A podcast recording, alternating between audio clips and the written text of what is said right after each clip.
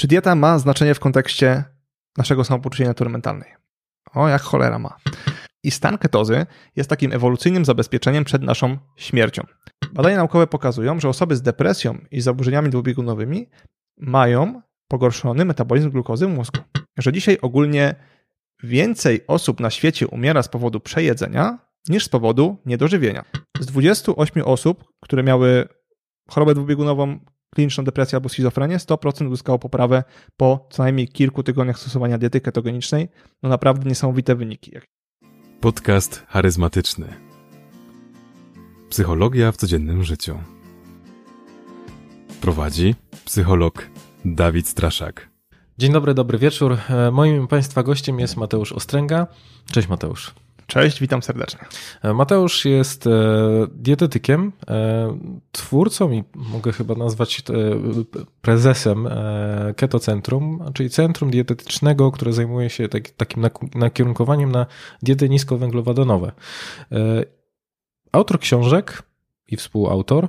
No i właśnie, Mateusz, ja dzisiaj z Tobą chciałem porozmawiać na temat ketozy tego, czym ona jest, o co właściwie chodzi, bo temat jest e, dosyć popularny, dosyć nośny, ale mam wrażenie, że, że fajnie by było porozmawiać z, ekspert, z ekspertem, żeby dowiedzieć się, jak do tego podejść z głową. Można by w końcu, bo nasz trzeci podcast i w końcu o diecie ketogenicznej. Tak jest. No to e, jeżeli ktoś byłby zainteresowany, to dwa poprzednie były jeden o adaptogenach, drugi o tym, e, jak żyć dłużej. E, tak lakonicznie zostawię to, jeżeli będziecie zainteresowani, to polecam.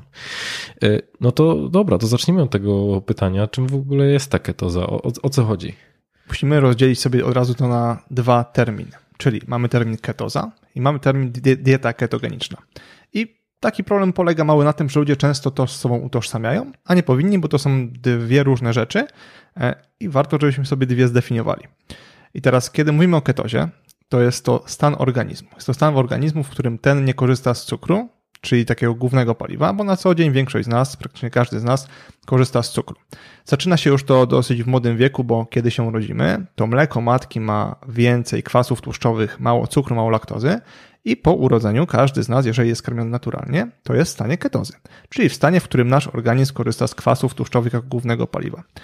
Po kilku dniach czy tygodniach mleko matki się zmienia, tam zmniejsza się poziom tłuszczu, zwiększa się poziom laktozy i automatycznie nasz organizm wychodzi z tego stanu ketozy i przechodzi na korzystanie z glukozy jako głównego paliwa. No i wtedy jesteśmy poza stanem ketozy, bo korzystamy z cukru jako głównego paliwa dla naszych komórek. Mhm. I teraz, jeżeli chcemy wrócić do stanu ketozy. Czyli rodzimy się w ketozie. Rodzimy się w ketozie, tak. E, no i dopóki, jeżeli są dzieci, które mm, z jakiegoś powodu nie mogą być karmione naturalnie i od początku są karmione mieszankami, no to prawdopodobnie one praktycznie od początku będą poza tym stanem ketozy. Natomiast dzieci, które są karmione naturalnie przez jakiś czas będą w stanie ketozy. Ja jestem świeżo upieczonym ojcem, więc mogę powiedzieć, jak kolor mleka się zmieniał, że faktycznie przez pierwsze dwa tygodnie to mleko było bardzo żółte, bardzo gęste, widać było, że jest dosłownie mocno tłuste. Z czasem się zmieniało na bardziej białe i, i bardziej takie słodkawe, bardziej rzadkie też, co, co świadczy o tym, że było mniej tłuste, stawało się bardziej bogate w cukier, w laktozę.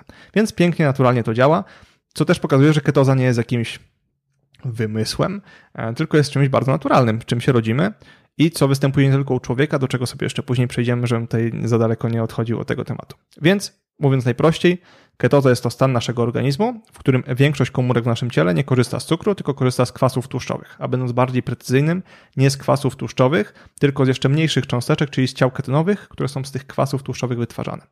Mm, dzieje się tak prawdopodobnie dlatego, że kwasy tłuszczowe nie mogłyby przejść przez barierę krew-mózg do naszego mózgu, więc organizm w wątrobie tnieje na mniejsze cząsteczki, którymi są ciała ketonowe i te już sprawnie przechodzą przez barierę krew-mózg, i w związku z tym ta energia dociera też do naszego mózgu. Więc w skrócie mówimy, że żywimy się wtedy tłuszczami, ale to jest nie do końca precyzyjne, bo żywimy się cząsteczkami, można powiedzieć, mniejszymi niż tłuszcze, czyli ciałami ketonowymi.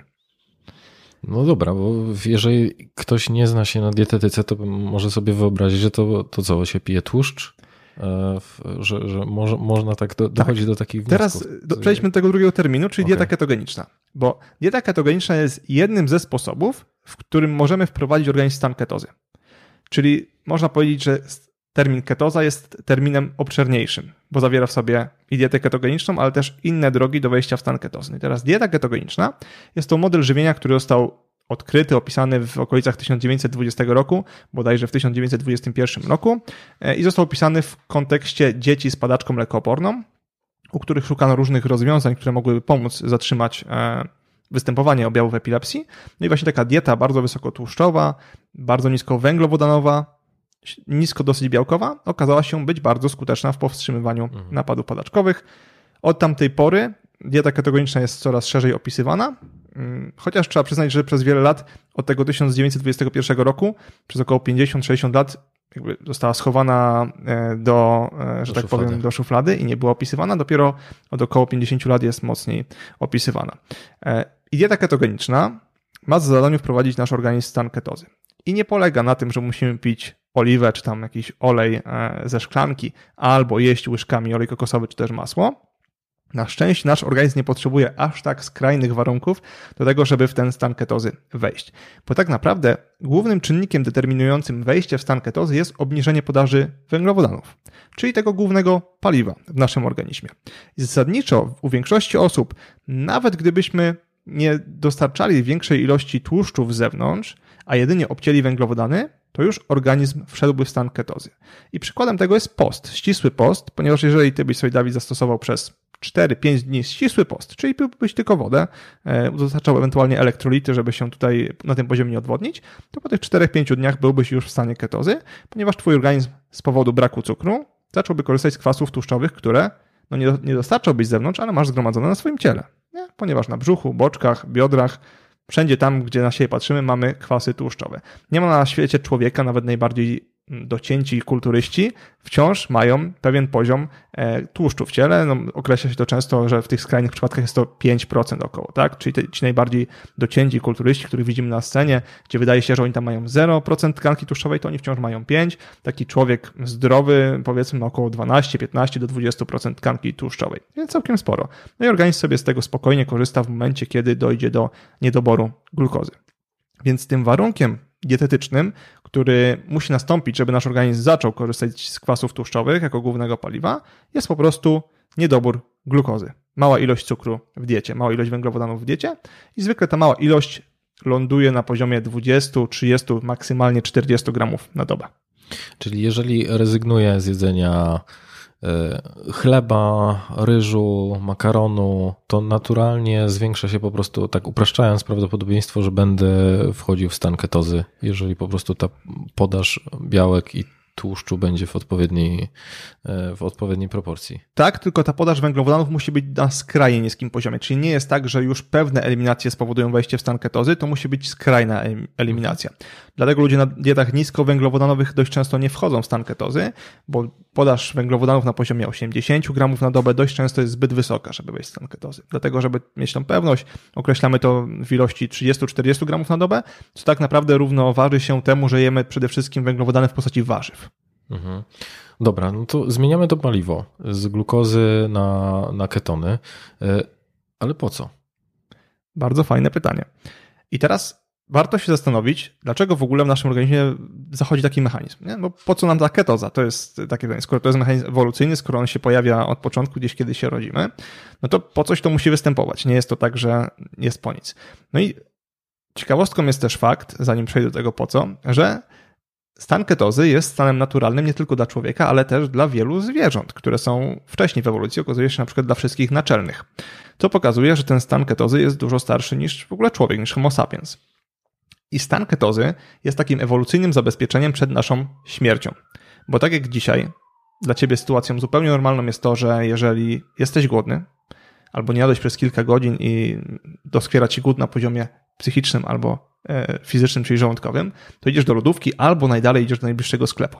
Natomiast jeszcze 150 lat temu e, w Wielkiej Brytanii ludzie musieli przeżyć za równowartość jednego dolara. To była taka anegdota, która była aktualna jakieś 5 lat temu. Teraz podejrzewam, że to jest równowartość już 2 czy 3 dolarów, biorąc pod mhm. uwagę inflację. W każdym razie powszechny głód był czymś powszechnym, nie mówiąc już o ewolucyjnie o wcześniejszych latach, czyli gdzieś tam początkach Homo sapiens, czy jeszcze wcześniej przed Homo sapiens. No i teraz, gdyby nasz organizm był ściśle uzależniony od glukozy, nie mógłby funkcjonować na niczym innym niż cukier, no to kończyłoby się to tak, że po prostu po tych 4-5 dniach bez jedzenia byśmy umierali. No trochę bez sensu z perspektywy ewolucyjnej, nie? Dlatego ewolucja sprytnie sobie tutaj zaprogramowała to, żeby przeżyć, wykorzystując energię, która jest zgromadzona w naszym organizmie.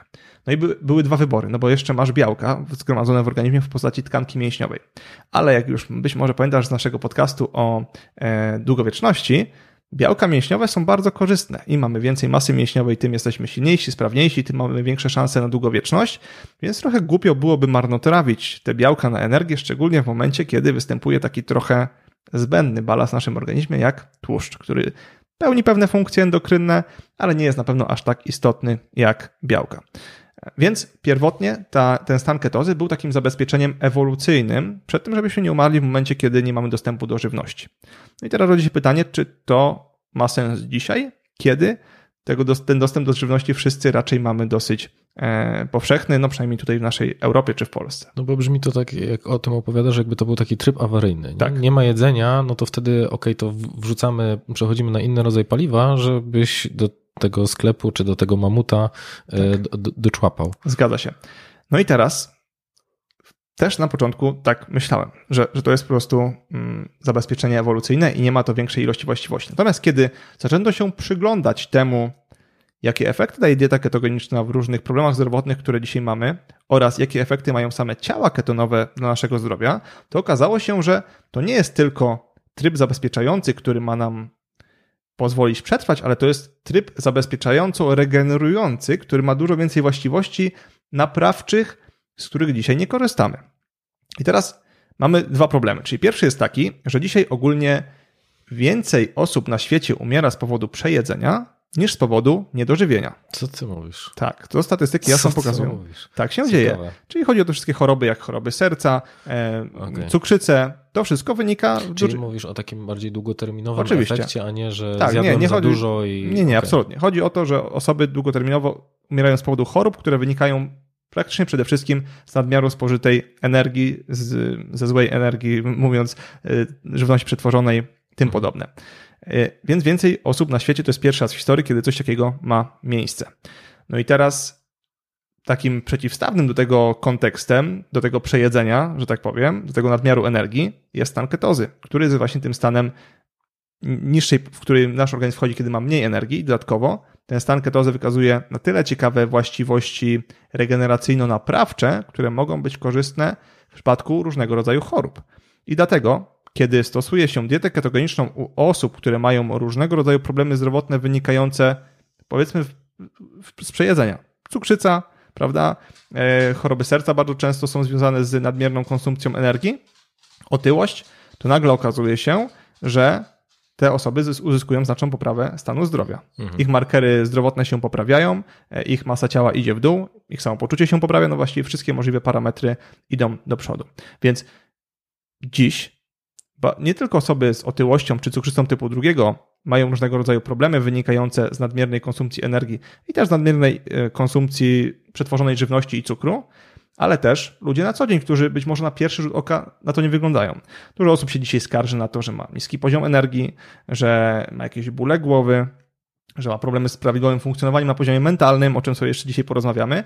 No i okazuje się, że w tych wszystkich kwestiach działanie naprawcze polegające na niższej podaży energii, niższej podaży cukru, na włączeniu właśnie diety ketogenicznej, która powoduje powstawanie ciał ketonowych, które mają właściwości regenerujące i przeciwzapalne, daje bardzo duże korzyści. Więc tak jak się pierwotnie wydawało, że dieta ketogeniczna, no raczej stan ketozy jest tylko takim zabezpieczeniem ewolucyjnym, no to w dzisiejszych czasach, w których tak dużo osób cierpi na problemy zdrowotne wynikające z przejedzenia, Wydaje się, że jest to idealne rozwiązanie, które może nas od tego ratować i pomagać nam w regeneracji i w powrocie do zdrowia. Bo to właśnie, wiesz, to jest takie podstawowe pytanie, bo mówisz o tym, że to ma taki bardzo, e, bardzo pozytywnie wpływa na nas, na, na różnych obszarach życia i mam wrażenie, że trochę stoimy w takiej sprzeczności przez to, jak funkcjonuje nasze społeczeństwo, czy my, że naturalnie sobie na to nie pozwalamy, bo y, żeby wchodzić w ten stan ketozy, nawet odnosząc się do tych postów, to wiesz, jak ja sobie przypominam e, rady ze strony babci, no to ona zawsze mówiła, musisz zjeść śniadanie, musisz być zawsze najedzony, y, tym samym trochę to stoi w takiej bardzo dużej sprzeczności, że jak tak nie jesz tych pięciu posiłków, czy tam dziesięciu, czy w ogóle jak najczęściej, tym, tym, tym lepiej, to, to nie będziesz zdrowy, nie będziesz funkcjonował odpowiednio. A z drugiej strony ty mówisz, że no nie do końca, bo bardzo dużo jest takich korzyści związanych z tym, że, że my w ten stan ketozy y, będziemy wchodzić. Tak, no dieta ketogeniczna jest żywieniową symulacją postu. A o tym, jak dużo z właściwości zdrowotnych ma do nas post, to akurat nie jest nowe, tak jak dieta ketogeniczna, nie jest badane od 50 lat, tylko jest opisywane w Biblii, jest opisywane w naprawdę starożytnej literaturze w różnych regionach, gdzie stosowano medycynę. A Buddha też, nie? W trakcie medytacji dostawał największych tak, olśnień. Tak, gdzie, gdzie stosowano post, y, tam zauważano jego różne korzyści zdrowotne w przeszłości, nieważne do której, w momencie, kiedy jeszcze to w ogóle nie było połączone, tak? Więc niezależnie od siebie różne kultury zauważały korzyści płynące z postu i nie ma w tym nic dziwnego. Dzisiaj literatura naukowa dostarcza nam wiadomości na temat tego, jak niesamowite właściwości regenerujące dla naszego organizmu post. Dieta ketogeniczna i jeszcze wrócę do tego odkrycia diety ketogenicznej jako e, dla dzieci z epilepsją. Jej odkrycia właśnie ona powstała dlatego, że pierw odkryto, iż post działa dla tych dzieci e, prawidłowo i wycisza ich objawy i potem się zastanowiono, co z tym zrobić, bo wiemy, że post pomaga, ale one nie mogą być na poście przez cały czas. I w ten sposób odkryto dietę ketogeniczną jako żywieniowe przedłużenie postu. W związku z tym dieta ketogeniczna nie daje nam pełni efektów, które uzyskujemy w trakcie ścisłego postu, natomiast daje nam część tych efektów. Między innymi poprzez wydzielanie ciał ketonowych, które mają właściwości przeciwzapalne, regenerujące i wiele innych, o których jeszcze prawdopodobnie nawet nie wiemy. I ja mam taką tezę, że mówi się dużo o tym, że dzisiaj dużo chorób wynika z tego, iż po prostu ludzie za dużo jedzą i na pewno jest to prawda. Wydaje mi się, że może to być połączone z tym, że po prostu nie pozwalamy sobie na spontaniczne wchodzenie w stan ketozy, mhm. czyli na ten okres regeneracji, na, to, na ten krótki szok dla organizmu, e, który mógł właśnie działać bardzo pozytywnie. Bo jeszcze jakiś czas temu, chociażby przez wymuszone posty, organizm człowieka wchodził w stany ketozy. Dziś tego nie ma, po prostu mamy tak duży dostatek jedzenia i dla ludzi 2-3 godziny bez posiłku wydają się po prostu totalną abstrakcją. Nie, nie przeżyją. Tak. E, mówiłeś o takich przeciwzapalnych i regeneracyjnych e, właściwościach. Z drugiej strony ja też często rozmawiałem z ludźmi, którzy byli w stanie ketozy, mówili o tym, że oni się bardzo dobrze czuli psychicznie. Mhm. E, I fizycznie też, że najlepsze osiągnięcia na siłowni, a to jest też takim, taką ciekawą zależnością, no bo wiesz, wracamy do tego, że to jest taki, no, trzymajmy się tego porównania, że to jest to ten stan awaryjny, w którym ty w sumie jesteś, na, że jak tego nie ogarniesz, w sensie nie, nie przeżyjesz dobrze tego okresu, to najprawdopodobniej umrzesz, a z drugiej strony pojawia się jakaś klarowność w myśleniu. Zresztą chyba też w trakcie jednych z naszych rozmów powiedziałeś, że to, po czym możesz poznać, że wchodzisz w ten stan ketozy, to jest to, że nagle opada taka mgła e, i, i zaczynasz myśleć. Mgła mózgowa, tak. Mgła mózgowa i zaczynasz myśleć bardzo klarownie, a z drugiej strony pojawiają się właśnie kwestie związane z, z osiągnięciami jakimiś na, takimi fizycznymi.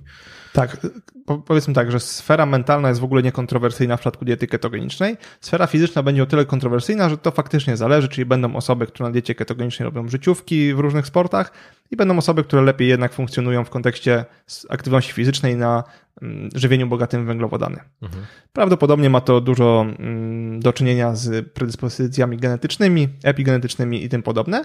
Natomiast jeżeli chodzi o tą sferę mentalną, to tutaj faktycznie no, sprawa jest niesamowita.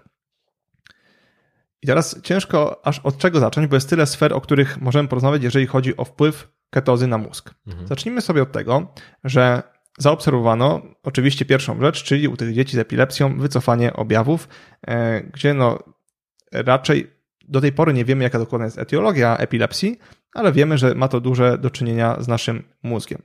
Idąc dalej, zaobserwowano, że w stanie ketozy rośnie ilość neuroprzekaźnika, jakim jest GABA. I jak pamiętasz naszą rozmowę o, y, o adaptogenach, albo ktoś jej słuchał.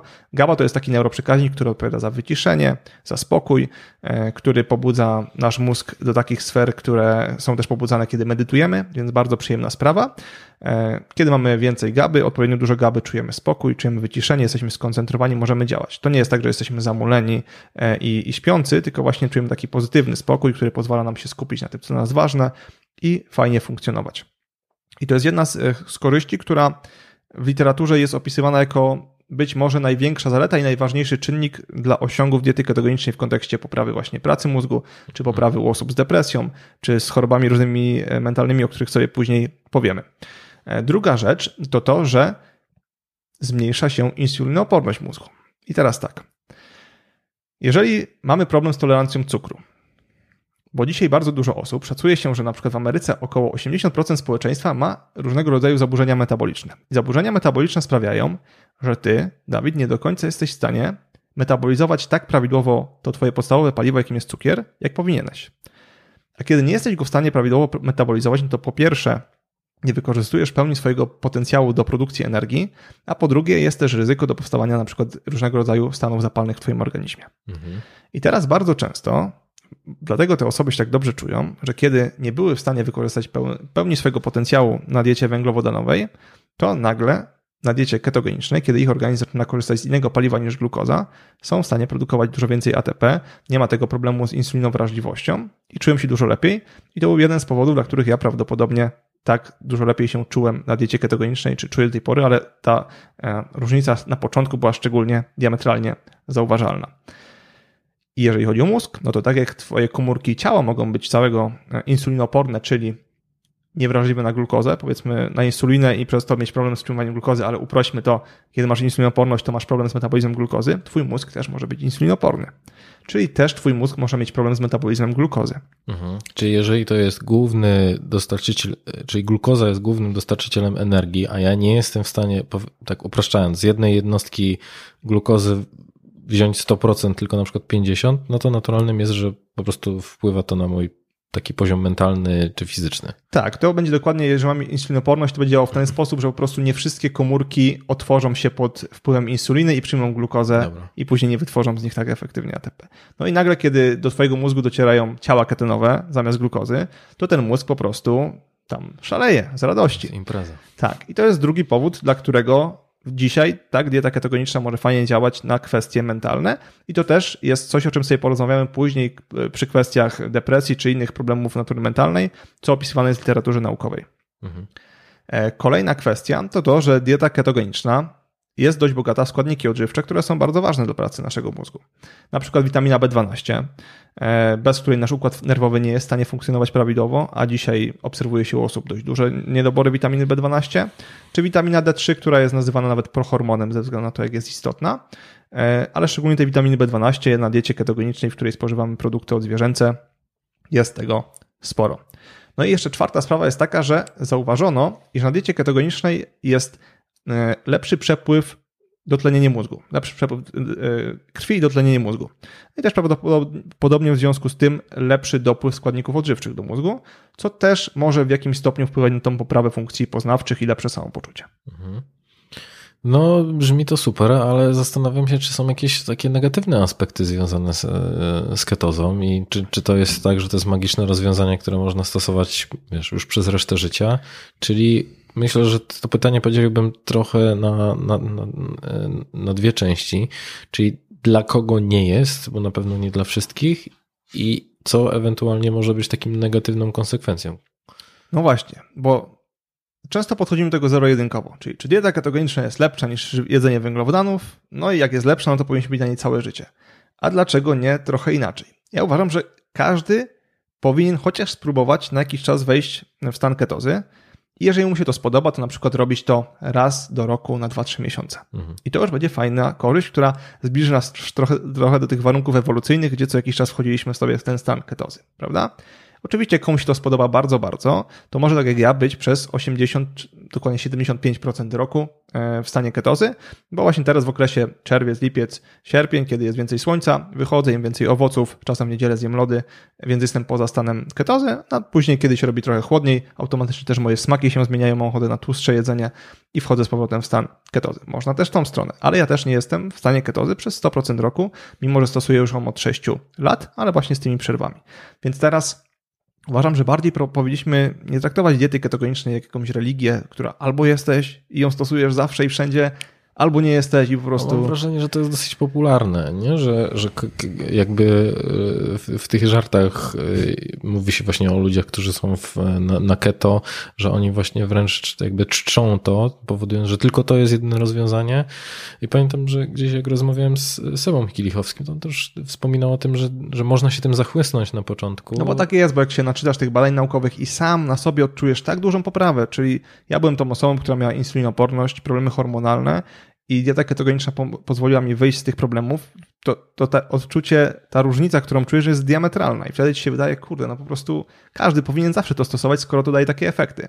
Później dopiero się uczysz, że to u ciebie dało takie efekty, że kiedy już dało, kiedy już zregenerowałeś swój organizm, to później możesz wrócić do jedzenia węglowodanów i już nie czuć się tak jak wcześniej, jak za przeproszeniem kupa, więc nie podchodzę do tego absolutnie zero-jedynkowo. Uważam, że naprawdę u większości osób warto to przetestować, szczególnie nie u osób, które są bardzo aktywnymi sportowcami, tylko u osób, które sobie to gdzieś tam, mam na myśli to, że może niekoniecznie dieta ketogeniczna dla kogoś, kto przygotowuje się do zawodów kulturystycznych i trenuje 6 dni w tygodniu, ale już dla kogoś, kto 2, 3 razy, 4 razy w tygodniu chodzi na siłownię, czy tam sobie biega, jak najbardziej okresowo może być bardzo dobrym rozwiązaniem. Więc nie uważam, że każdy zawsze powinien stosować dietę ketogeniczną, ale uważam, że jest super narzędziem i szczególnie kiedy mamy wskazania do jej stosowania. Czyli coś jest u nas, bo jeżeli ty się Dawid świetnie czujesz na swojej diecie węglowodanowej, no to w ogóle nie ma powodów, żeby tą dietę ketogeniczną stosować, e, bo na przykład możesz sobie po prostu co ja jakiś czas... mogę nie wiedzieć, czy mogę się czuć lepiej. Tak, dlatego warto chociaż raz przetestować, no. nie? E, ale co do zasady, jeżeli ktoś się czuje świetnie na węglowodanach, są osoby, które te węglowodany, węglowodany metabolizują genialnie, super, nie ma w ogóle żadnego problemu. Ta osoba może po prostu raz na jakiś czas zrobić sobie kilkudniowy post, powiedzmy raz na 4 miesiące i wtedy też czerpać te korzyści nie? i regenerować swój organizm. Ale jeżeli coś jest nie tak i próbować już różnych rzeczy, to być może właśnie wynikiem Twoich problemów są różnego rodzaju problemy metaboliczne i być może dieta ketogeniczna będzie tutaj rozwiązaniem, ale nie dieta ketogeniczna na całe życie teraz, tylko dieta ketogeniczna na 3 miesiące, na 6 miesięcy i później stopniowe wracanie do tego, co byś chciał, jakbyś się chciał żywić docelowo. Czyli e, jeżeli ktoś chciałby sobie zrobić wersję demo i, i przetestować, to polecałbyś po prostu y, zrobić post na, na kilka dni, żeby otrzeć się o ten stan? Chyba jednak bym wolał, żeby osoby, które nigdy nic ze sobą nie robiły, raczej spróbowały diety ketogenicznej, bo post jest poziomem wyżej. Mhm. Czyli jak masz duże problemy metaboliczne i nagle wskoczysz w post, to możecie trochę pozamiatać, mówiąc kolokwialnie. Okay. Ból głowy, jakby, kiedy twój organizm kompletnie nie jest przyzwyczajony do korzystania z kwasów tłuszczowych jako głównego paliwa, bo nie robiłeś tego przez x czasu, taki post może być sporym szokiem. Więc ja jednak bym proponował, żeby po prostu przez dwa miesiące przetestować dietę ketogeniczną. Mhm. Dobra, jeszcze wracając do, czy są jakieś przeciwwskazania medyczne? To znaczy, że ktoś po prostu boryka się z jakimiś chorobami, które są przeciwwskazaniem do tego, żeby w ogóle od keto trzymać się z daleka. Są rzadkie przypadki genetyczne osób, które nie mogą po prostu produkować ciał ketynowych. Mhm. Jest to genetyczna dysfunkcja, która nie pozwala im wytwarzać tych ciał ketynowych e, z tłuszczu, no i takie osoby zdecydowanie powinny się trzymać z daleka, ale jest to na tyle rzadkie, że ja nie spotkałem takiej osoby, po prostu wiem z literatury naukowej, że może być taki przypadek. Co do zasady, wszystkie inne problemy zdrowotne mogą być przeciwwskazaniem i znaczy mogą nie być przeciwwskazaniem, tylko mogą być sygnałem, że musimy tą dietę bardzo mocno spersonalizować ale co do zasady nie ma takich przeciwwskazań, bo nawet w literaturze naukowej są opisane przypadki osób z cukrzycą typu pierwszego. No bo tak na pierwszy rok by mi przyszło do głowy, no osoby z cukrzycą typu pierwszego prawdopodobnie nie mogą. No ale w literaturze naukowej mamy opisane przypadki, gdzie... A dlaczego nie? Bo ja... e, ponieważ u nich bardzo łatwo może dojść do kwasicy ketonowej. Mhm. I jeżeli ktoś z cukrzycą typu pierwszego pójdzie do diabetologa i powie mu, że ma taki pomysł, to usłyszy, że po prostu się zabije i dostanie kwasicy ketonowej. E, czyli taki problem zdrowotny bardzo poważny, kiedy i cukier rośnie w górę, i mm, ketony rosną w górę, dochodzi do zakwaszenia organizmu faktycznie i do, nawet może dojść do śmierci. Natomiast w literaturze naukowej są opisane przypadki osób, które mądrze zarządzając e, dietą ketogeniczną, dostosowując podaż insuliny, świetnie poprawiły swoją hemoglobinę glikowaną, czyli średni poziom glukozy, czują się bardzo dobrze i funkcjonują dobrze. Kolejny częsty przypadek, o którym się mówi, to tarczyca, że niedoczynność tarczycy czy też Hashimoto nie powinny te osoby stosować diety ketogenicznej, bo tarczyca jest wrażliwa, potrzebuje węglowodanów do pracy. Jeżeli ta dieta jest dobrze dostosowana, to mam sam e, jakby w swoim gabinecie przypadki osób, które doprowadziły do remisji e, choroby tarczycy dzięki stosowaniu diety ketogenicznej, bo jest przeciwzapalna, bo jesteśmy w stanie na niej dostarczyć dużo składników odżywczych, które są potrzebne dla pracy tarczycy, więc nie ma tutaj problemu. Więc tak naprawdę nie ma takich przypadków zdrowotnych, które jednoznacznie mhm. każdego kategoryzowałby jako osobę, która nie może spróbować diety ketogenicznej. Poza tymi skrajnymi przypadkami, które osób, które po prostu nie mogą produkować ciał ketonowych. Mhm. A dzieci? Dzieci, jak już pewnie wspomniałem parę razy podczas naszej rozmowy, zasadniczo to na dzieciach odkryto dietę ketogeniczną, jakkolwiek okay. to nie brzmi, no bo dzieci z epilepsją tą dietę ketogeniczną stosują i to stosują przez wiele, wiele lat.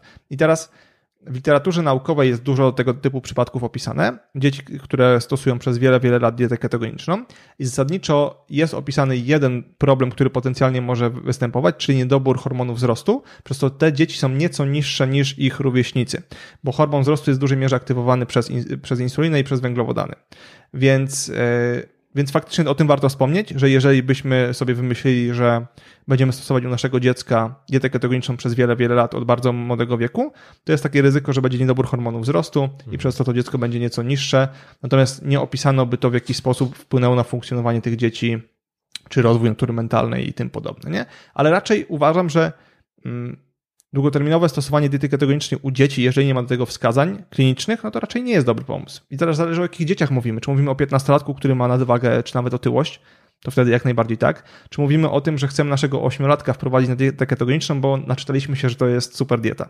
No to są dwa zupełnie różne przypadki, to i to jest dziecko, więc tutaj bardzo indywidualnie do tego trzeba podchodzić. Co do zasady dzieci nie, są, nie ma przeciwwskazań, żeby stosowały dietę ketogeniczną, bo stosują ją dzieci z epilepsją od wielu, wielu lat, od 1921 roku. Mhm, dobra.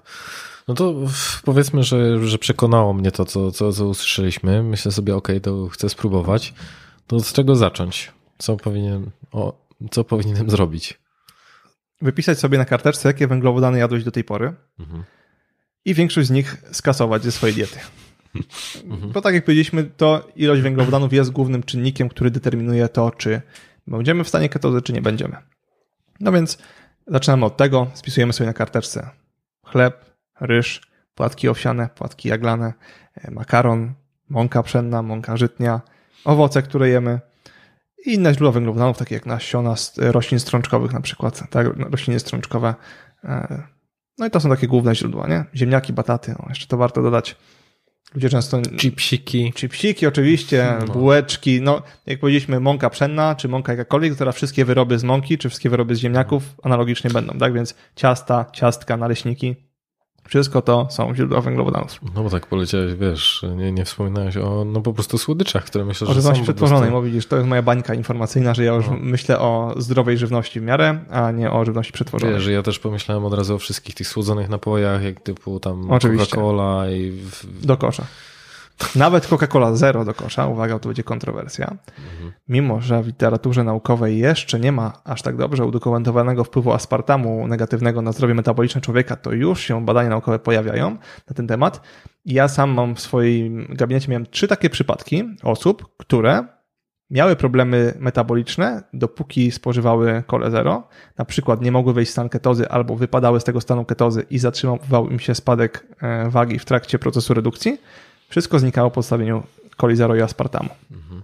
Więc e, wartościowa wskazówka, czyli napoje zero też raczej polecam odstawić, żeby szczególnie na pierwszym etapie tego sobie nie, za, nie zaburzać. Dobra, no to y, pozbywamy się tego wszystkiego yy, i co? No i później musimy mądrze skomponować z pozostałych składników naszą dietę, czyli z białek, tłuszczów oraz warzyw, no i owoców jagodowych. I taki prosty talerz na diecie ketogenicznej to jest pół talerza jarzyn, czyli e, warzyw, jedna czwarta talerza e, produktów białkowych, czyli mięso, ryba, jajka, nabiał, owoce morza. I pozostała reszta talerza to dodatek kwasów tłuszczowych, czyli sobie tam dodajemy oliwę z oliwek, masło i tego typu podobne produkty. Czyli mhm. bardzo prosta rzecz. Nie? No i takie posiłki, które dosyć często jemy na diecie ketogenicznej, na przykład to jajecznica, do tego masz jakąś sałatkę, powiedzmy z rukoli, pomidora, ogórka, z oliwą z oliwek, awokado, masło do jajecznicy, garść orzechów Świetny posiłek ketogeniczny. No ty mi kiedyś mówiłeś, że potrafisz w, śniadaniu mieć tysiąc y, kilokalorii. No to, ja. to co ty tam masz w tym śniadaniu? No ja jem na śniadanie na przykład 6 jajek. Mhm. Jem na śniadanie dodatkowo jakieś tam rzemieślnicze kiełbaski, e, które sobie kupiłem. Dokładam sporo masła. E, no i to już się robi, wiesz, 1 gram tłuszczu ma 9 kilokalorii, mhm. więc tłuszcz jest bardzo nośny i ludzie często tutaj na przykład na diecie ketegonicznej popełniają taki błąd, że nie doszacowują, czyli im się wydaje, że tam no łyżkę oliwy z oliwek dodali. Łyżka z oliwy z oliwek to jest prawie 100 kilokalorii, nie? więc dosyć łatwo tutaj się to nabija właśnie poprzez podaż tłuszczów. Mhm. Czyli do, 100 gramów orzechów to 600 kilokalorii. Ludzie często no to jest też. no, siadają sobie z paczką zdrowych orzechów, jak najbardziej, e, no i kończy się na sporej podaży. Nie? Tak, No, jak nie- najbardziej orzechy są zdrowe, bo ja już E. powiem ci, no, Zostańmy w, tym, w tej bańce informacyjnej dzisiaj, która mówi, że tak, nie wchodźmy za grubo, to na kolejny podcast może. Py- Pytam, bo po prostu, wiesz, dla mnie to też jest ciężkie z tego względu, że za, za każdym razem, kiedy rozmawiam e, z dietetykami, to ciężko jest o wspólny front. To prawda. I y, ilekroć słucham jakiegoś podcastu, czy wiesz, rozmawiam z kimś innym, no Bartek czeka, będzie za, za tydzień, więc może on mi powie, że nie, nie, nie, orzechy nie. Są różne poziomy zaawansowania, po prostu. Mhm. I teraz dzisiaj skupiamy się na osobach, które do tej pory nie stosowały za dużo diet, albo jak stosowały to diety węglowodanowe. I teraz, czy u nich zrobią różnicę te orzechy w diecie lub nie? Raczej nie. Jak przejdziemy do bardziej tematów klinicznych, kogoś, kto się boryka na przykład z egzemą albo z jakąś chorobą autoimmunologiczną i już próbował różnych rzeczy i mu to nie pomaga, Mhm. o, wtedy możemy rozmawiać, czy kurde, u tej osoby orzechy przypadkiem i substancje antyodżywcze w nich zawarte nie są problemem. Ale make it simple i dzisiaj nie komplikujmy, bo dla większości osób jak najbardziej orzechy będą w porządku. Bo też ketoza kojarzy mi się, czy, czy, dieta ketogeniczna, kojarzy mi się mocno z dietami takimi mięsnymi, że dużo, te, dużo tego mięsa jest. To też mam wrażenie, że kojarzy się bardziej z taką męską dietą. Czy da się to inaczej zrobić? Czy, czy, da się e, w taki niemięsny sposób wchodzić w stan ketozy? Czy to Właśnie dieta ketogeniczna jest o tyle super, że jak sobie przejrzymy inne diety, to zwykle one mają taki jednowymiarowy charakter, czyli czytasz dieta kopenhaska, tam często już masz plan na 7 dni podany, że tam rano ma być banan i coś. Dieta ketogeniczna to znów będzie mimo wszystko, mimo że mówiłem, że to ketoza jest tym szerszym pojęciem, to wciąż dieta ketogeniczna jest dość szerokim pojęciem, bo tak naprawdę zamyka w sobie kilka różnych modeli diet. To znaczy, ty możesz jeść dietę ketogeniczną, w której jesz bardzo mało warzyw, jesz głównie wołowinę, masło, ale możesz jeść też dietę ketogeniczną, która jest wegetariańska, czyli w ogóle nie jesz mięsa zwierząt lądowych, powiedzmy, jesz tylko jajka nabiał, do tego dużo warzyw, oliwa z oliwek, awokado. To i to będzie dieta ketogeniczna, nie? Czyli masz śniadanie, gdzie masz e, boczek, kiełbaski, e, masło i mało warzyw i masz śniadanie, gdzie masz rybę i kilogram warzyw. I to i to jest dieta ketogeniczna. Nie? Więc tutaj bardzo mamy dużą możliwość personalizacji tego modelu żywienia. I dlatego czasami ludzie e, trochę mają mm, konsternację odnośnie tego, jak właśnie ta dieta powinna wyglądać, bo widzą tak różnorodne talerze, prawda? E, A to jest to piękne, że mamy tą możliwość bardzo dużą personalizacji, nie? Czyli można jeść dużo mięsa, można nie jeść mięsa zwierząt lądowych w ogóle, mamy dużo opcji. No też kojarzy mi się to z tym, że ta dieta jest taka czystsza, to znaczy, że jakby odrzucasz te rzeczy, które są przetworzone, czyli właśnie no te bułki, makarony, czyli coś, co powstaje w jakimś takim dłuższym procesie. E, Mam wrażenie, że ona jest taka właśnie możliwie najbardziej zbliżona do takich mało przetworzonych produktów. Tak jest, tak być powinno. Niestety w związku z tym, że dieta ketogeniczna jest modna od wielu lat, to oczywiście narosło bardzo dużo firm, które produkują wygodną żywność z tym związaną, czyli gotowe jakieś chleby, pieczywa, inne gotowe produkty, e, słodycze. Może to być dodatek do tej diety, ok, nie, nie demonizuję tego, natomiast jak widzę, kiedy ludzie zaczynają budować swoją dietę jako podstawę, te produkty przetworzone keto, to faktycznie jest to problem i moim zdaniem, Czyli tak jak bu- powiedziałeś, to powinna być dieta taka pierwotna. Czyli takie bułe- bułeczki z e, mąki migdałowej, Na no to przykład. co to masz na myśli? Ale to przestrzegałbyś przed tym, żeby tego nie robić, czy Nie, żeby nie budować tego jako fundament swojej diety. Okej, jako dodatek tak, Tak, ale nie jako dokładnie. st- składowa codzienna. Bo też chodzi o to, że dieta kategoryczna jest jednak dietą eliminacyjną, umówmy się, tak? Eliminujemy dużo produktów. W związku z tym, jak na każdej diecie eliminacyjnej, musimy się zastanowić, jak ją zbilansować, żeby nie nabawić się niedoborów żywieniowych. Nagle, kiedy my zastępujemy żywność gęstą odżywczo, jak jajka, mięso, jakąś żywnością przetworzoną, jak bułeczki z mąki kokosowej czy migdałowej, w której jest dużo mniej składników odżywczych i robimy to nagminnie codziennie, to nagle po miesiącu, po dwóch, po trzech przestaje nam się zgadzać bilans pod kątem składników odżywczych w naszej diecie po prostu. No i z czasem robią się problemy. Potem zaczynają wypadać włosy. I tarczyca zaczyna się psuć.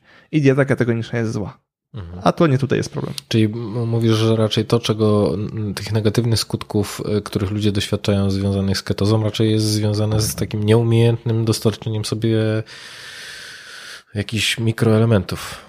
Tak. Większość osób, większość przypadków, e, które widziałem, gdzie dieta ketogeniczna nie odniosła sukcesu, a raczej odniosła sromotną porażkę, bo oczywiście może to być taki brak sukcesu, że było ok, ale wolisz jednak być poza stanem ketozy. Spoko, tak się też zdarza.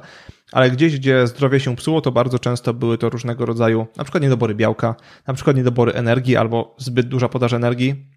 Bo z jednej strony to, o czym powiedzieliśmy, że e, tłuszcze mają dużo energii, prawda, więc też można łatwo przesadzić, ale z drugiej strony stan ketozy daje nam sytość, bo jedną z cech stanu ketozy jest to, co jest logiczne, jako ma, ma ona nas wspierać w poście, ten stan, to logiczne, że zmniejsza sytość, znaczy zapewnia sytość, zmniejsza głód, mhm. e, dzięki czemu no nie myślimy cały czas o jedzeniu, skoro go nie ma. Przez to też czasami osoby zaczynają nie dojadać, po prostu masz mniejszy apetyt, to mówisz, a to dzisiaj jest tylko jeden posiłek dziennie, no i to się powtarza z dnia na dzień, po czym się robi problem z niedoborem składników odżywczych.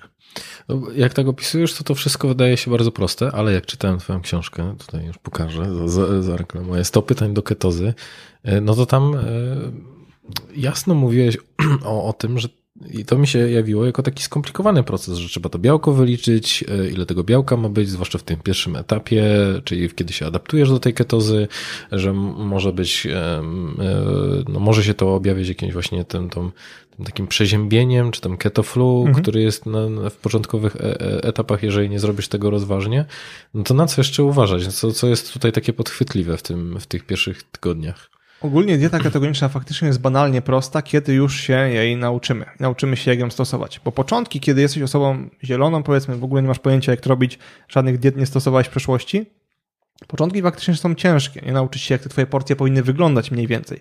Jakie te porcje powinny być do ciebie dostosowane, żeby nie jeść bardzo za dużo energii, a nie jest bardzo za mało energii. Żeby nie jeść bardzo za dużo białka, szczególnie w okresie adaptacji, bo może to przedłużyć albo w ogóle uniemożliwić adaptację. Żeby nie jeść za dużo węglowodanów w okresie adaptacji, bo to może być problem. Więc szczególnie te początki są takie, wymagają dużych restrykcji, bo po pierwsze, my nie wiemy, jakie porcje są do nas dostosowane. Natomiast już po tygodniu, dwóch jeżeli to poważysz, pomierzysz, twoje oko się przyzwyczaja i ty wiesz, jakie porcje mniej więcej robić. Więc faktycznie początek jest wyzwaniem, ale jeżeli się przez niego przebrnie, no to sprawa jest banalnie prosta. Natomiast no, są takie rzeczy, na które trzeba uważać, czyli te naj, najczęstsze błędy, które ja widzę u ludzi, to jest niedobór energii w diecie, czyli po prostu jedzą za mało albo jedzą bardzo za dużo. Druga sprawa to raczej już nie przy adaptacji, tylko przy długoterminowym stosowaniu diety ketogenicznej, niedobór białka w diecie bo na adaptacji faktycznie tą podaż białka powinniśmy nieco obniżyć do około 1 grama na, na kilogram prawidłowej masy ciała. Natomiast później bardzo dobrze. Czekaj, no, na kilogram prawidłowej masy ciała, tak, to co to znaczy? Tak jak patrzę na ciebie czy na mnie, to u nas ta waga, którą masz na wadze, to jest prawidłowa masa ciała prawdopodobnie, mniej więcej. Natomiast jeżeli weźmiemy osobę, która ma otyłość, Okay. To ona waży praktycznie dwa razy więcej niż jej prawidłowa masa ciała. Uh-huh. Czyli jeżeli ważyłbym 120 kg, to miałbym liczyć na 75. Najprościej od swojego wzrostu odjąć 100 i wtedy mamy taką na oko prawidłową masę ciała. Uh-huh.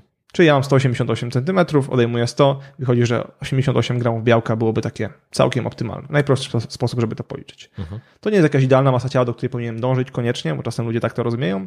Do podstawowych wyliczeń nam to e, wystarczy. Inaczej można przyjąć beztłuszczową masę ciała też, to też jest jakiś tam wyznacznik. Chodzi po prostu o to, żeby osoby, które mają zdecydowanie zbyt dużo tkanki tłuszczowej, nie przyjęły tej wartości, która jest u nich faktycznie, no bo nagle, kiedy mamy osobę, która ma 180 cm, waży 150 kg, to jak ona zamiast 80 gramów przyjmie 150, to jest szansa, że w ogóle w stan ketozy nie wejdzie, ponieważ białko, aminokwasy mogą działać, mm, nasz organizm w procesie glukoneogenezy może je przekształcać do glukozy i w związku z tym utrudniać wejście w stan ketozy. Mhm. I szczególnie to jest problem na początkowym etapie, czyli prawdopodobnie jak ta osoba by już po miesiącu, po dwóch zwiększyła podaż białka nawet tych 150 gramów, to już może być ok, ale ten pierwszy, proces, ten pierwszy miesiąc jest bardzo newralgiczny. Czyli po jakim okresie zwiększać? Po miesiącu. Okej, okay, dobra. Jak mamy uprościć, to po miesiącu. Dobra. A jak mamy utrudnić, to jak już wiesz, że jesteś w stanie ketozy, to wtedy możesz zwiększać. Uh-huh. No w, też w książce pisałeś o tym, że trzeba dużo pić w ketozie. Tak, to jest kolejny błąd, który podczas adaptacji się zdarza, bo dzieje się taka sytuacja, że w naszym organizmie jest zgromadzone około 400 gramów glikogenu w wątrobie i w mięśniach. Każdy 1 gram glikogenu wiąże 3-4 gramy wody. Więc robi się z tego wyliczenia sporo. Ponad litr wody powiedzmy w organizmie. Mhm. Ta woda też wiąże w sobie elektrolity, innymi sód. Kiedy zaczynamy stosować dietę ubogowęglowodanową, nasz organizm zaczyna wykorzystywać ten glikogen, który jest nagromadzony w wątrobie i mięśniach, w związku z czym wykorzystuje też tą wodę i ona znika, bo jak znika glikogen, to znika ta woda. Przez to dochodzi do odwodnienia. Mhm. Oczywiście to nie jest tak, że znika cały glikogen, bo według różnych badań to jest około 30%, no może nawet do 50%, ale to już jest dla nas znaczne odwodnienie, bo my wiemy, że nawet 1-2% odwodnienie to jest dużo, jeżeli chodzi o nasz organizm. Dlatego, jeżeli chcemy uniknąć tej ketogrypy, o której wspomniałeś, to się nazywa ketogrypa, ponieważ objawy są podobne do grypy albo do kaca, bo kac też wynika w dużej mierze z odwodnienia organizmu i z niedoboru minerałów, elektrolitów. no to musimy właśnie temu zapobiegać poprzez odpowiednią podaż wody, ale też elektrolitów. Dobra. Jeszcze jakieś błędy, które obserwujesz? To są najczęstsze, tego, o których powiedzieliśmy, czyli energii za dużo, za mało, za dużo białka podczas adaptacji, za mało białka po adaptacji, e, niedobór wody i elektrolitów, no i też e, zabawa z tym tłuszczem, to znaczy, że właśnie albo niedocenienie tego, e, jak kaloryczny jest tłuszcz, mhm. albo znowu posiadanie tej sytości od stanu ketozy, która sprawia, że zaczynamy jeść bardzo mało. Mhm. No, czyli domyślam się też, że, że łatwo z tej ketozy wypaść, no bo wystarczy jeden batonik zjedzony w biegu i cały, no, cały nasz misterny plan do kosza. No i to jest, na, na pozór to brzmi jak minus, prawda? To brzmi mhm. jak duży zarzut, ale praktyka pokazuje, że jest to ogromna zaleta. Dlaczego? Dlatego, że mam takie doświadczenie, że wiele osób, które próbowało w przeszłości różnych diet, kiedy wiedziało, że może nie zjeść swojej miski ryżu, a zamiast tego zjeść lody, jakoś coś tam wliży w makro, powiedzmy. Węglowodany się w miarę będą zgadzać, tam trochę więcej tłuszczu, mniej białka, dobra, ale makro się będzie zgadzać, no to zjadły lody zamiast ryżu. A kiedy okazuje się, że jeżeli są w procesie adaptacji szczególnie i zjedzą te lody i tak naprawdę zaprzepaszczą to, nad czym pracowały, to bardzo szybko im się odechciewa tych lodów. Plus jest taki, że to nie jest tak na całe życie, czyli że ty już nigdy nic, bo im jesteśmy dłużej w stanie ketozy, tym większą podaż węglowodanów tolerujemy i nie wypadamy ze stanu ketozy, a nawet jak wypadniemy, to dużo szybciej wracamy. Teraz jest inna sytuacja, kiedy ty w drugim tygodniu stosowania diety ketogenicznej najesz się lodów, bo wtedy musisz zaczynać prawdopodobnie wszystko od nowa. A jest inna sytuacja, kiedy ty po 3-4 miesiącach zrobisz sobie dzień, gdzie zjesz lody, bo wtedy albo w ogóle nie wypadniesz ze stanu ketozy, a jak wypadniesz, to dzień, dwa i znów będziesz w stanie ketozy. Natomiast właśnie ta zero-jedynkowość, czyli albo jesteś w stanie ketozy, albo nie jesteś, jest czymś, co bardzo dobrze działa na większość osób i sprawia, że one, jak w przeszłości miały duży problem w utrzymaniu się w reżimie do, dobrego odżywiania, tak to jest pierwszy raz, kiedy jest on się w stanie utrzymać, bo to jest dla nich bardzo dobra motywacja. No, bo też myślę o, o, tym, że świat nie jest dostosowany do, do diety kategonicznej. To Oj, znaczy, że, że wiesz, gdziekolwiek nie, byś się nie wybrał w kontekście jakiejś restauracji czy miejsc, gdzie mógłbyś pewne rzeczy zjeść, no to tak naprawdę okazuje się, że wszędzie te węglowodany są i są w dużej ilości. No i to nie jest takie proste. Właśnie restauracje są dosyć proste. Zasadniczo jak nie idziesz do pizzerii, to masz ogromny wybór, bo po prostu prosisz, żeby nie podawali ci ryżu albo ziemniaków, a zamiast tego podali ci więcej warzyw. Mhm. Nigdy się nie spotkałem z tym, żeby był problem. Raz w jakiejś restauracji mi powiedzieli, że mi nie podadzą burgera bez bułki, więcej tam nie poszedłem, ale w każdej restauracji podadzą ci burgera bez bułki. Czasami jeszcze zrobią jakiś ładny na awokado, na sałacie, pokombinują tam, dostaniesz dodatkowe warzywa, dodatkowe masło, więc super sprawa. W innych restauracjach zamówisz rybę z warzywami, zamówisz steka z warzywami, więc nie ma żadnego problemu. O ile nie idziesz do pizzerii, to nie ma żadnego problemu. Faktycznym problemem są wyjazdy, powiedzmy, czyli mhm. kiedy jesteś w trasie na autostradzie, jedyne co możesz zjechać to McDonald's albo e, Orlen, czy inna stacja paliw tam faktycznie bywa kiepsko, możesz kupić orzechy, możesz kupić kabanosy, ale nie jest to do końca dobra żywność. Ale uwaga, ja na przykład ostatnio w kryzysie zjechałem na Orlen i kupiłem samą parówkę, e, czy tam kabanosa, po prostu bez bułki, tak? Dostałem bez bułki. Tak, dostałem parówkę bez bułki, nie było z tym żadnego problemu, były uśmiechy ze strony e, obsługi, ale jedzenie dostałem. E, nie pamiętam, co to było, byłem w takiej... Co oni ci to zapakowali? To po prostu w podwójny e, ten Papierek. papier, tak. Mhm. Nie, nic nie przeciekało, nie było gorące, bez problemu. Okay. E, zjadłem w McDonaldzie czy w jakimś tam innym Burger Kingu też dostaniesz czystą wołowinę bez niczego, tak? Czyli wiem, to do osób, które są na diecie carnivore, czyli diecie czysto mięsnej, jak pójdziesz do McDonalda, poprosisz na przykład cztery usmażone kotlety wołowe, same dostaniesz w pudełeczku cztery usmażone kotlety wołowe, więc da się. No nie jest to idealny posiłek, absolutnie, ale wciąż jest to lepsze niż zjedzenie logu, lodów z maka czy jakichś chipsów e, z stacji. No myślę, że to też po prostu wymaga na tobie, żeby e, odpowiednio wcześniej pewne rzeczy planować, bo jasne, że może ci się zdarzyć tak, że po prostu no, no też zdajesz sobie sprawę, że będziesz jechał i to no jak jesteś, tak jak z tego co opowiadasz, to w stanie ketozy ten głód nie jest tak bardzo dokuczliwy, więc po prostu pojedziesz dalej.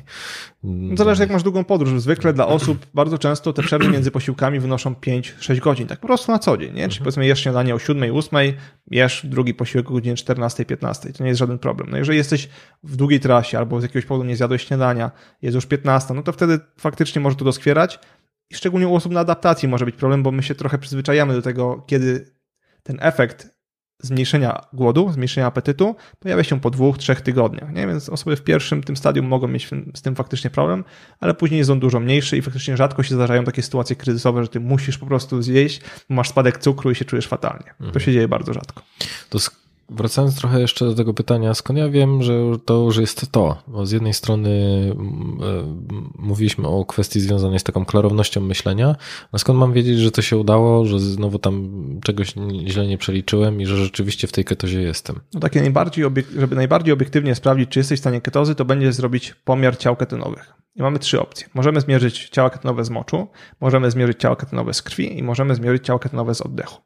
Trzecią opcję odrzućmy, bo jest najtrudniej dostępna w Polsce. W sensie są fajne urządzenia. E, w Stanach też, w Niemczech teraz, mhm. jak byłem na targach w Londynie, to okazało się, że w Niemczech jest fajna firma z takim aparatem, ale kosztuje on 250 funtów bodajże, więc jest to dosyć zaporowa cena.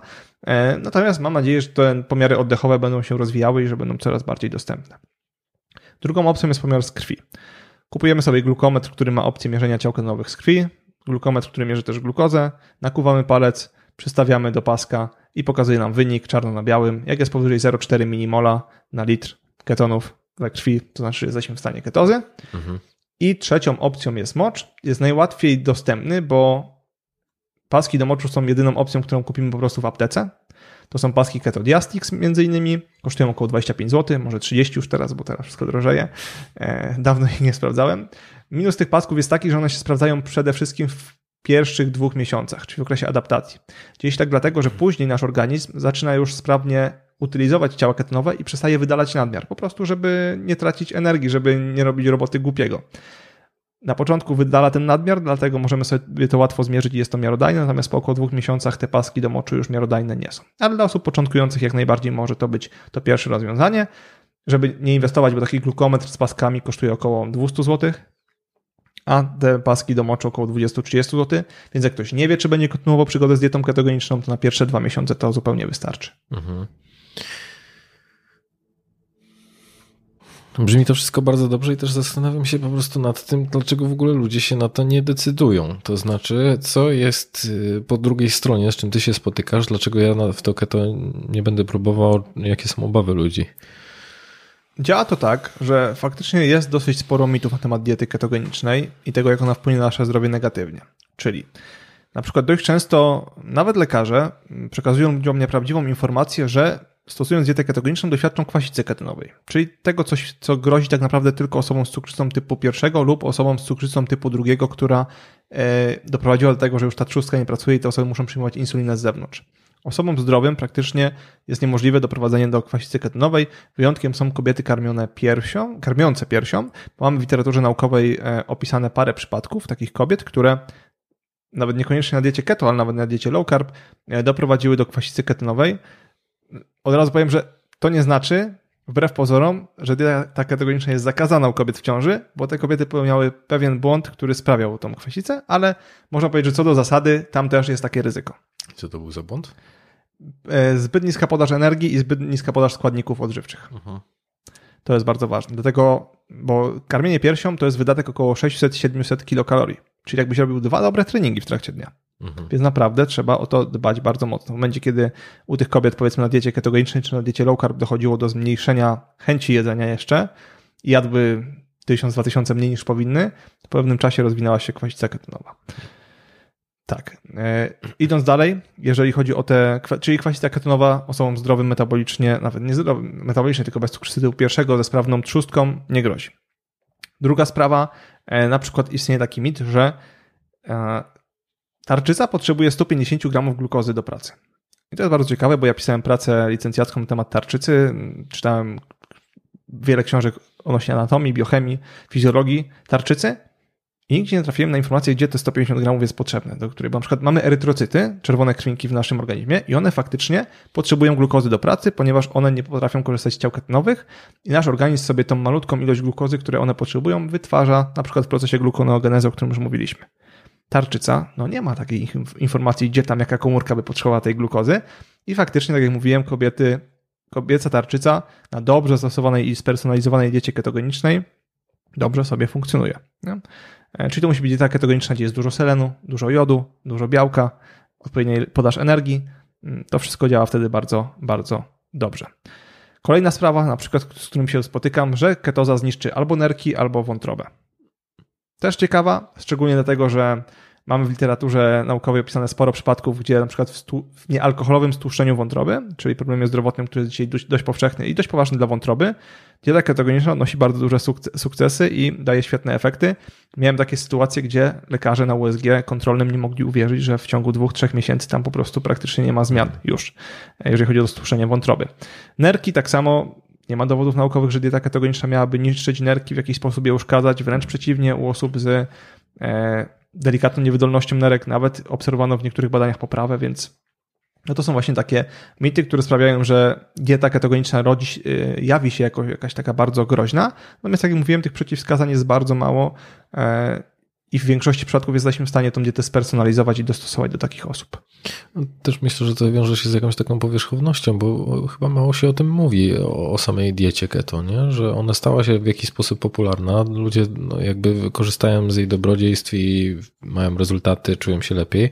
Chociaż też z kilkoma osobami, z którymi rozmawiałem, to mówiły, że to nie wpłynęło na nich dobrze. To znaczy, że rzeczywiście gorzej się czuły albo nie widziały rzeczywiście tego, tego, tego wielkiego wybuchu w jakby energii, takiej klarowności myślenia. Zakładam, że wiesz, może to też było w jakiś sposób źle przeprowadzone. Wiesz, wystarczy ta jedna rzecz, że ktoś nie doczyta, że trzeba się lepiej nawadniać i dostarczyć większą ilość sodu i to już może znieść wszystkie objawy. Na przykład, że ta osoba jeszcze nie doczyta, że może wystąpić ta grypa węglowodanowa, gdzieś tam w okolicach 5-7 dnia, doświadcza, myśli, że kurde, miało być super, a tutaj się pojawia w ogóle tragiczne mhm. samopoczucie. Jest jeszcze gorzej. No. Jest jeszcze gorzej. Na treningach jest tragedia, bo często pierwsze dwa tygodnie treningów jest słabe, bo jeszcze mięśnie się nie zaadaptowały do korzystania z nowego paliwa. No i tak, tutaj czujesz się mentalnie gorzej, jakiś osłabiony, głowa boli, trening fatalny. No, tragedia dla dieta Na YouTubie mówi, że to rewolucja. Tak, więc... Yy, no więc właśnie, kwestia zwykle braku przygotowania i popełnienia jednak któregoś z tych kluczowych błędów, o których mówiłem, ale oczywiście nie za, może się pojawić osoba, która robiła wszystko dobrze i u niej to nie zadziałało. No czemu nie? Oczywiście, że na pewno znajdą się osoby, które z jakichś powodów genetycznych e, czy metabolicznych po prostu nie czują się dobrze, e, na przykład mają genetycznie świetne warunki do metabolizmu węglowodanów i po prostu słabe do tłuszczów i się to nie sprawdziło. Czemu nie mogą być takie osoby? Ale jednak większość przypadków, kiedy z tymi osobami porozmawiałem, powertowaliśmy, okazywało się, że gdzieś tam coś było robione nie tak, bo wbrew pozorom dość często zgłaszają się do mnie na prowadzenie osoby, które już próbowały diety ketogenicznej, było czasem dobrze, potem coś się psuło i zawsze gdzieś tam szukaliśmy, okazywało się, że któreś z tych podstawowych błędów lub bardziej zaawansowanych błędów były popełniane. Mhm, dobra to ketoza i zdrowie mentalne. Tak, bardzo teraz, czy dieta ma znaczenie w kontekście naszego samopoczucia natury mentalnej? O, jak cholera ma. Pierwszy przykład z brzegu. Są badania, które sugerują, że nawet 25% przypadków depresji może być związane z niedoborem witaminy B12 grubo, nie? Mhm. Aż 25%. Witamina B12 prawdopodobnie najważniejsza witamina dla funkcjonowania naszego układu nerwowego. Bez niej podatność na stres wzrasta diametralnie, produkcja neuroprzekaźników leży, produkcja hormonów jest problemalna, problematyczna. Ogólnie dużo, dużo problemów natury mentalnej. Druga sprawa. Kreatyna. Kojarzymy ją z braniem e, na siłowni. Dobra. Ale kreatyna ma dużo więcej funkcji. Kreatyna znajduje się tylko w produktach pochodzenia zwierzęcego, głównie w mięśniach. I teraz są badania randomizowane, e, w których podawano jednej grupie leki na depresję i placebo, a w drugiej grupie leki na depresję i kreatynę. Co się stało? Dwa razy lepszy efekt w grupie e, leku na depresję i kreatynę. A co robi kreatyna? Poprawia produkcję energii również w mózgu. Jeżeli dobrze pamiętam, to z witaminą B12 też były takie badania, ale nie chcę teraz Was skłamać. Pamiętam, że była kreatyna i inna substancja, która występuje też tylko w produktach pochodzenia zwierzęcego i prawdopodobnie to była witamina B12, gdzie też były badania SSRI plus placebo i SSRI plus B12 i też był wymiernie lepszy efekt w tej grupie, która dostawała również dodatkową substancję. A w czym, e, co jest takim głównym składnikiem, w, w, znaczy gdzie można znaleźć witaminę B12? W czerwonym mięsie, w wątróbce, E, ogólnie znowu tylko w produktach pochodzenia zwierzęcego. Okay. Jajka, e, ryby również. Tak, Czyli domyślam się, że osoby na diecie wegetariańsko-wegańskiej są tutaj w jakimś takim dużym zagrożeniu niedoboru. Tak, i to nie jest żadne zaskoczenie. Jakby osoby na diecie wegańskiej muszą bezwzględnie suplementować witaminę B12. Osoby na diecie wegetariańskiej są w stanie ją dostarczyć na przykład za pomocą ryb czy też jajek.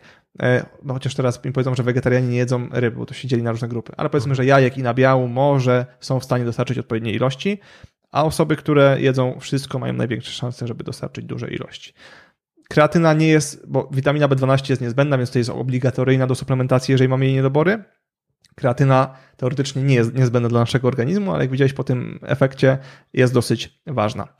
Inne substancje, takie jak tauryna czy karnozyna, również wykazują duże działanie, jeżeli chodzi o poprawę naszej, naszego stanu mentalnego. Więc to pokazuje, że żywienie ogólnie ma duże znaczenie dla naszej sfery to mentalnej. To też ciekawe, nie? Bo o, o, w kontekście tej kreatyny y, Daria z Formy na Życie, ona też miała odcinek właśnie, który pokazywała o, wpływ kreatyny na funkcjonowanie mentalne i też rzeczywiście tam było dużo wskaźników, które pokazywało, że no jest nam po, po prostu potrzebna, a z drugiej strony też mało się to, jak, jak w ogóle nawet z mojej takiej psychologicznej perspektywy, że często kojarzy się ta kreatyna właśnie z siłownią i z tym, żeby po prostu rosnąć.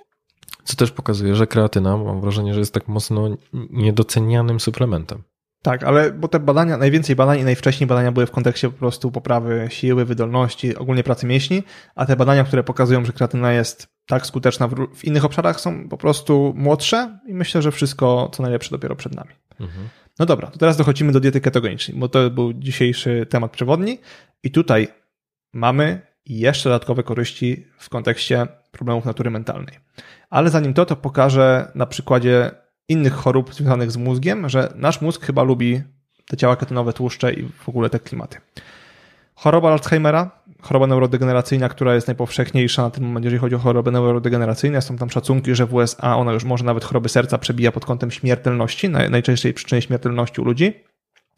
Bardzo dobre efekty, jeżeli chodzi o badania naukowe i to już badania na ludziach, gdzie po prostu było brak diety ketogenicznej, te standardowe testy w chorobie Alzheimera wykonywane, dieta ketogeniczna przez kilka tygodni, znaczna poprawa w wynikach testu, wyjście ze stanu ketozy, przewanie diety ketogenicznej, znów zmniejszenie efektów, jeżeli chodzi o te wyniki testów, e, więc choroba Alzheimera. Druga sprawa, jeżeli mamy zawodników sportów kontaktowych, to w momencie, kiedy oni dostają urazu mózgu, po prostu w trakcie walki, to w ich mózgach otwierają się kanały MCT2, które odpowiadają za transport ciał ketonowych i one się otwierają w tych miejscach, w których pojawiły się urazy. Tak jakby organizm żądał, aby tam doszły ciała ketonowe, aby zregenerować mózg.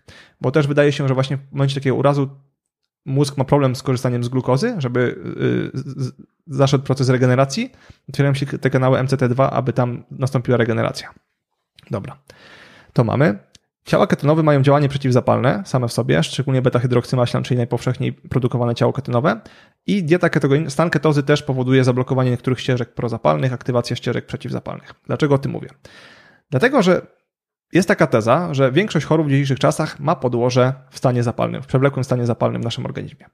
Ja jestem praktycznie pewny, że choroby natury mentalnej, takie jak depresja, schizofrenia, e, zaburzenia afektywne dwubiegunowe, też mają swoje, może nie podłoże, czyli że to nie jest główny czynnik, ale że tam występuje przewlekły stan zapalny w organizmie i prawdopodobnie też na poziomie mózgu. To znaczy, jeżeli chodzi o zaburzenia afektywne, czyli no, dwubiegunowe, jednobiegunowe, to istnieje taka teoria rzeczywiście, że to jest stan zapalny mózgu. Okay. Wiadomo, że tutaj zaraz jakiś mm, ktoś może się z tym nie zgodzić, raczej traktuję to jako hipotezę czy tam teorię, e, Y, ale tak, nie? Więc zgadzałbym się. Co do schizofrenii trudno mi powiedzieć. Tak. Na, w kontekście schizofrenii stanu zapalnych badań nie widziałem, więc to jest moja teza, może być głupia i może się okazać całkiem nieprawdziwa, ale mam taką. Mhm. Biorąc pod uwagę moje doświadczenia, jak dużo chorób w dzisiejszych czasach wynika z tego podłoża, Taka teza jest. Bo wiesz, nawet przyjmując to założenie, że tak, z jednej strony jest to WHO, które mówi o tym, że, że będą spe, spekuluje, że mm, liczba osób, które będą cierpiały na zaburzenia depresyjne będzie rosła i że to najprawdopodobniej za jakiś czas będzie jedna z najczęściej diagnozowanych chorób, y, a z drugiej strony, no, też spada jakby taka wartościowość naszej diety. Ten stan mhm. e, z, z, jednej strony e, pogorsza się dieta, z drugiej strony ten nasz styl życia jest coraz gorszy. No i jeszcze znów wsadzę kamień, kij w mrowisko, bo promuje się żywienie wegańskie, które jest z reguły, jeżeli te osoby nie są doinformowane, że muszą suplementować chociażby witaminę B12 czy kreatynę, mhm. no to doznają niedoborów tych składników odżywczych, które mhm. są tak ważne dla pracy układu nerwowego i mózgu. Mhm. Ale idziemy dalej, bo ten stan zapalny to jest jeden czynnik, a tutaj dochodzimy do drugiego ważniejszego, o którym też pisałem w książce, czyli Badania naukowe pokazują, że osoby z depresją i zaburzeniami dwubiegunowymi mają pogorszony metabolizm glukozy w mózgu, o którym już dzisiaj mówiliśmy. Mhm. I to jest niesamowite. I kiedy pisałem książkę, to nie było jeszcze badań takich większych na ludziach, były pojedyncze raporty, czyli było opisane w literaturze, że taki i taki pacjent po zastosowaniu diety ketogenicznej objawy depresyjne się znacznie zmniejszyły, czy zmniejszyły się objawy schizofrenii, czy innych chorób natury mentalnej. Teraz mamy dużo lepsze badanie naukowe, które zostało rok temu opublikowane, niemal równy rok temu, które potwierdza, przyznam szczerze, że dla mnie aż szokującą skuteczność diety ketogenicznej w kontekście chorób natury mentalnej. I przygotowałem sobie notatki, jak pozwolisz, mhm. bo nie chciałbym pominąć tego, co zostało w tym badaniu e, wykazane. Tam wziął udział 31 pacjentów. To było e, w Toulouse, we Francji, w klinice psychiatrycznej przez lekarza doktora Danana. 31 pacjentów z problemami, z chorobą dwubiegunową, z depresją i ze schizofrenią. E, ostatecznie 28 ukończyło, było w stanie zastosować dietę ketogeniczną przez, dłużej niż, przez co najmniej 14 dni. Czyli trójka mhm. pacjentów odpadła, z różnych przyczyn nie tolerowała, nie mogła stosować diety ketogenicznej, nie podołała. Mieliśmy 12 osób z chorobą dwubiegunową, 6 osób z kliniczną depresją, 10 osób ze schizofrenią. Poprawę po około, e, tam osoby stosowały nawet do 250-260 dni tą dietę ketogeniczną, mhm. minimum to, były, to było kilka tygodni. Poprawę zaobserwowano u 100% pacjentów w tym badaniu. E, te osoby też, niektóre z nich przyjmowały leki cały czas, więc żeby nie było, że to tylko dieta ketogeniczna. To było jakby, dieta ketogeniczna w tym badaniu była dodatkiem do standardowych terapii, które są stosowane okay. u takich osób. 43% osób osiągnęło remisję kliniczną swojej choroby. 96% osób... Przy jak długim stosowaniu? Y, to... to tam już byśmy musieli wchodzić w pojedyncze przypadki, okay, ponieważ y, to, tam nie każdy przypadek stosował tyle samo dietę ketogeniczną. Mhm. W tym badaniu Mówię, jest rozbite... minimum 4 tygodnie, ale... Nie pamiętam ile minimum było tych tygodni. Y, maksymalnie najdłużej osoba stosowała i była obserwowana w tym badaniu bodajże 260 kilka dni, mhm. a minimum to było kilka tygodni. 96% osób uzyskało spadek masy ciała, 64% zostało wypisanych z powodu zmniejszenia dawek leków.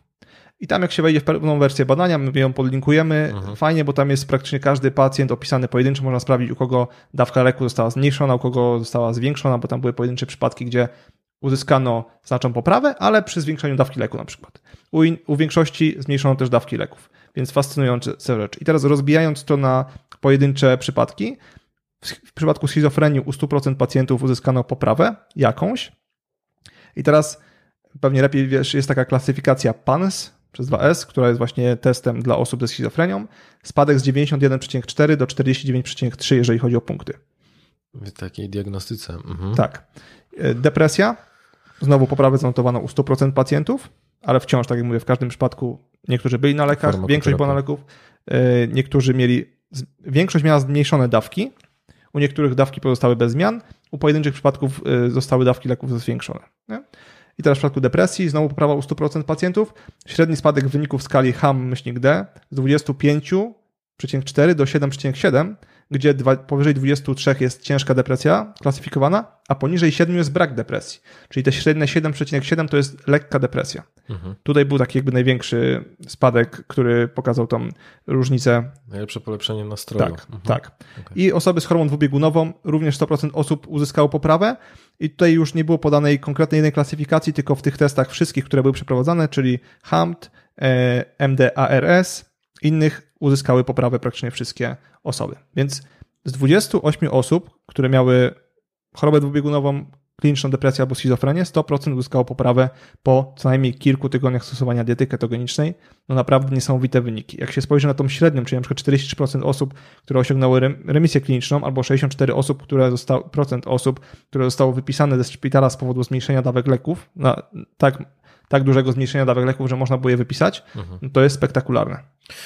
No, wiadomo, że budzą gdzieś moje wątpliwości, jak jest 100%, y, więc myślę, że to warto gdzieś, wiesz, mieć... W sensie, ja, się, ja jestem w stanie uwierzyć, że na przykład te 12 osób z chorobą dwubiegunową, każda zanotowała jakąś poprawę swojego stanu zdrowia, szczególnie, wiesz, wyobraź sobie, 96% osób uzyskało spadek masy ciała myślę, że ten czynnik, czy nie chodzi o to, że ta dieta ketogeniczna zadziała jakoś magicznie. Jeżeli te osoby wcześniej jadły, wiesz, chipsy, frytki, e, smażyły na oleju słonecznikowym, jadły słodycze codziennie i miały nadmierną masę ciała jeszcze powiedzmy, nagle wjechała dieta ketogeniczna, przeciwzapalna, zmniejszyła masę ciała, to już to mogło być czynnikiem. Czy to nie jest tak, że tam dieta ketogeniczna działa, że te ketony, tam magię zrobiły w? Nie. Czuję. Oczywiście to, to po prostu one, te osoby przeszły prawdopodobnie w wielu przypadkach ze skrajnie niezdrowego środowiska w skrajnie zdrowe środowisko. Zwłaszcza, że myślę, że takim, taką, takim błędnym kołem w zaburzeniach depresyjnych jest to, że mm, no, ta dieta jest takim ostatnim elementem, o który się dba. To znaczy, że te osoby mhm. ze względu na ten spadek napędu często o nim nie dbają, często to są takie właśnie napadowe jedzenie związane z tym, żeby zjeść po prostu byle co mocno przetworzone, tak żeby w ogóle, no, no, jeżeli ktoś boryka się z tym, że nie ma siły nawet wstać z łóżka, no to, no to je po prostu to, co je, jest najbliżej albo co nie będzie mu zajmowało dużo energii.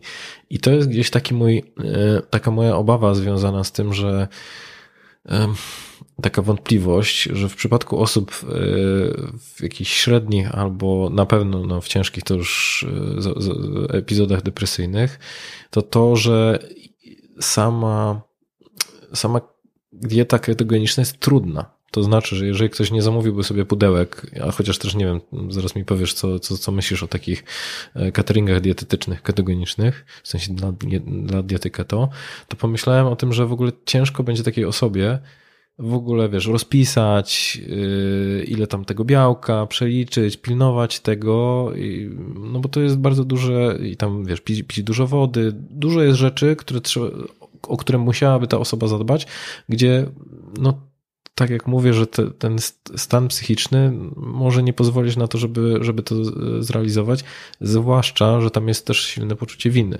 To znaczy, że jeżeli mi tylko nie wyjdzie, to to może się jakby odbić się jeszcze bardziej w drugą stronę, czyli, czyli ten nastrój może jeszcze bardziej upaść. Wiesz, tym osobom było łatwiej, były zamknięte w klinice.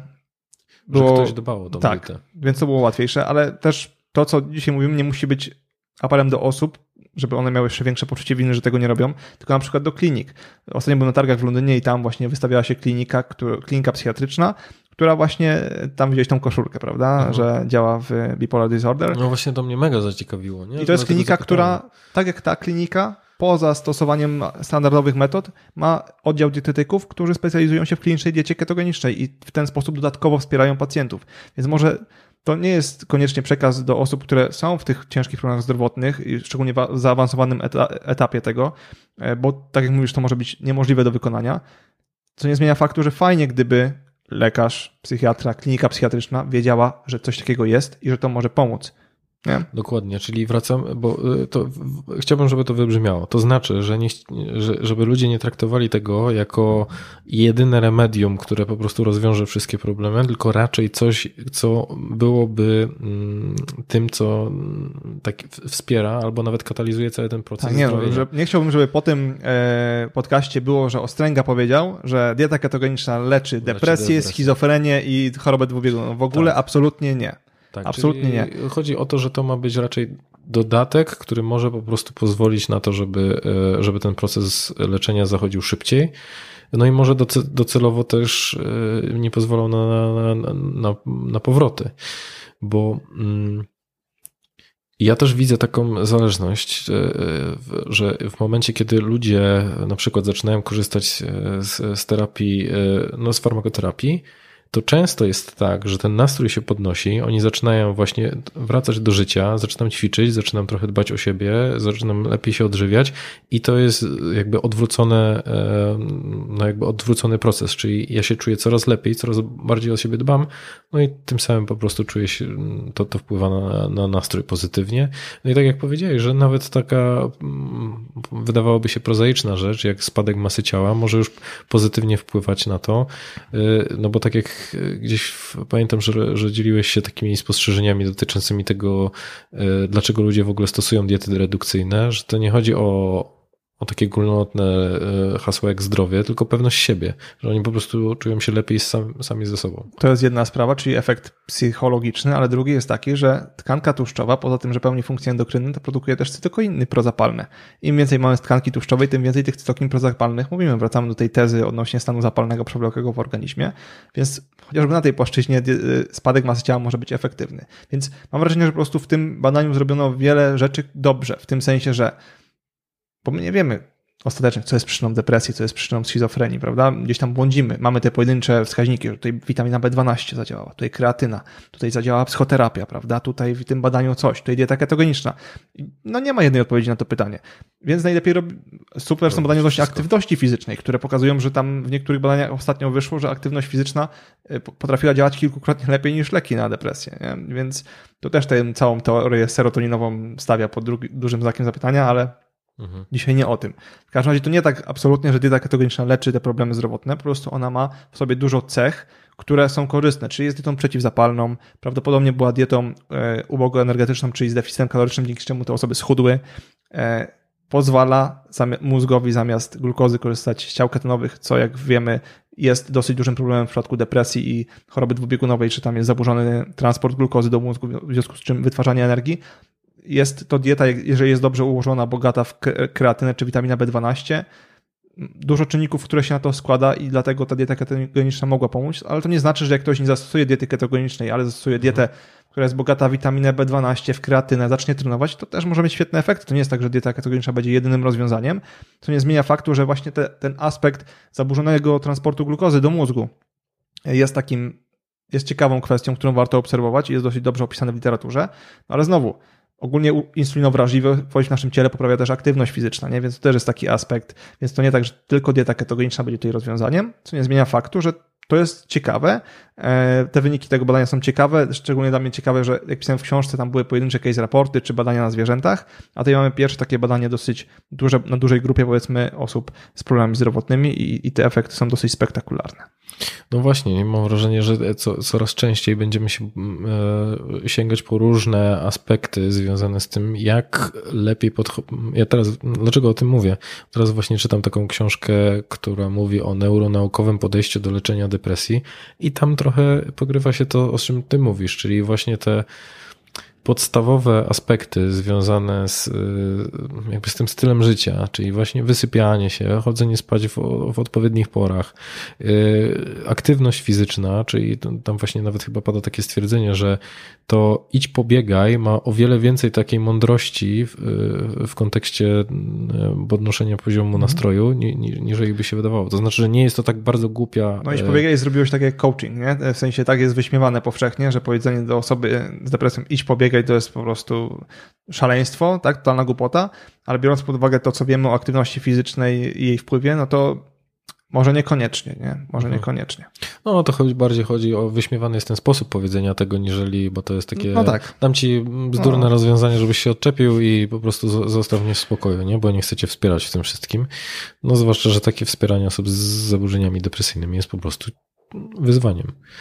E, więc dobra, czy coś jeszcze dodałbyś w kontekście tego wpływu z diet w ogóle chyba niskowęglowodanowych na.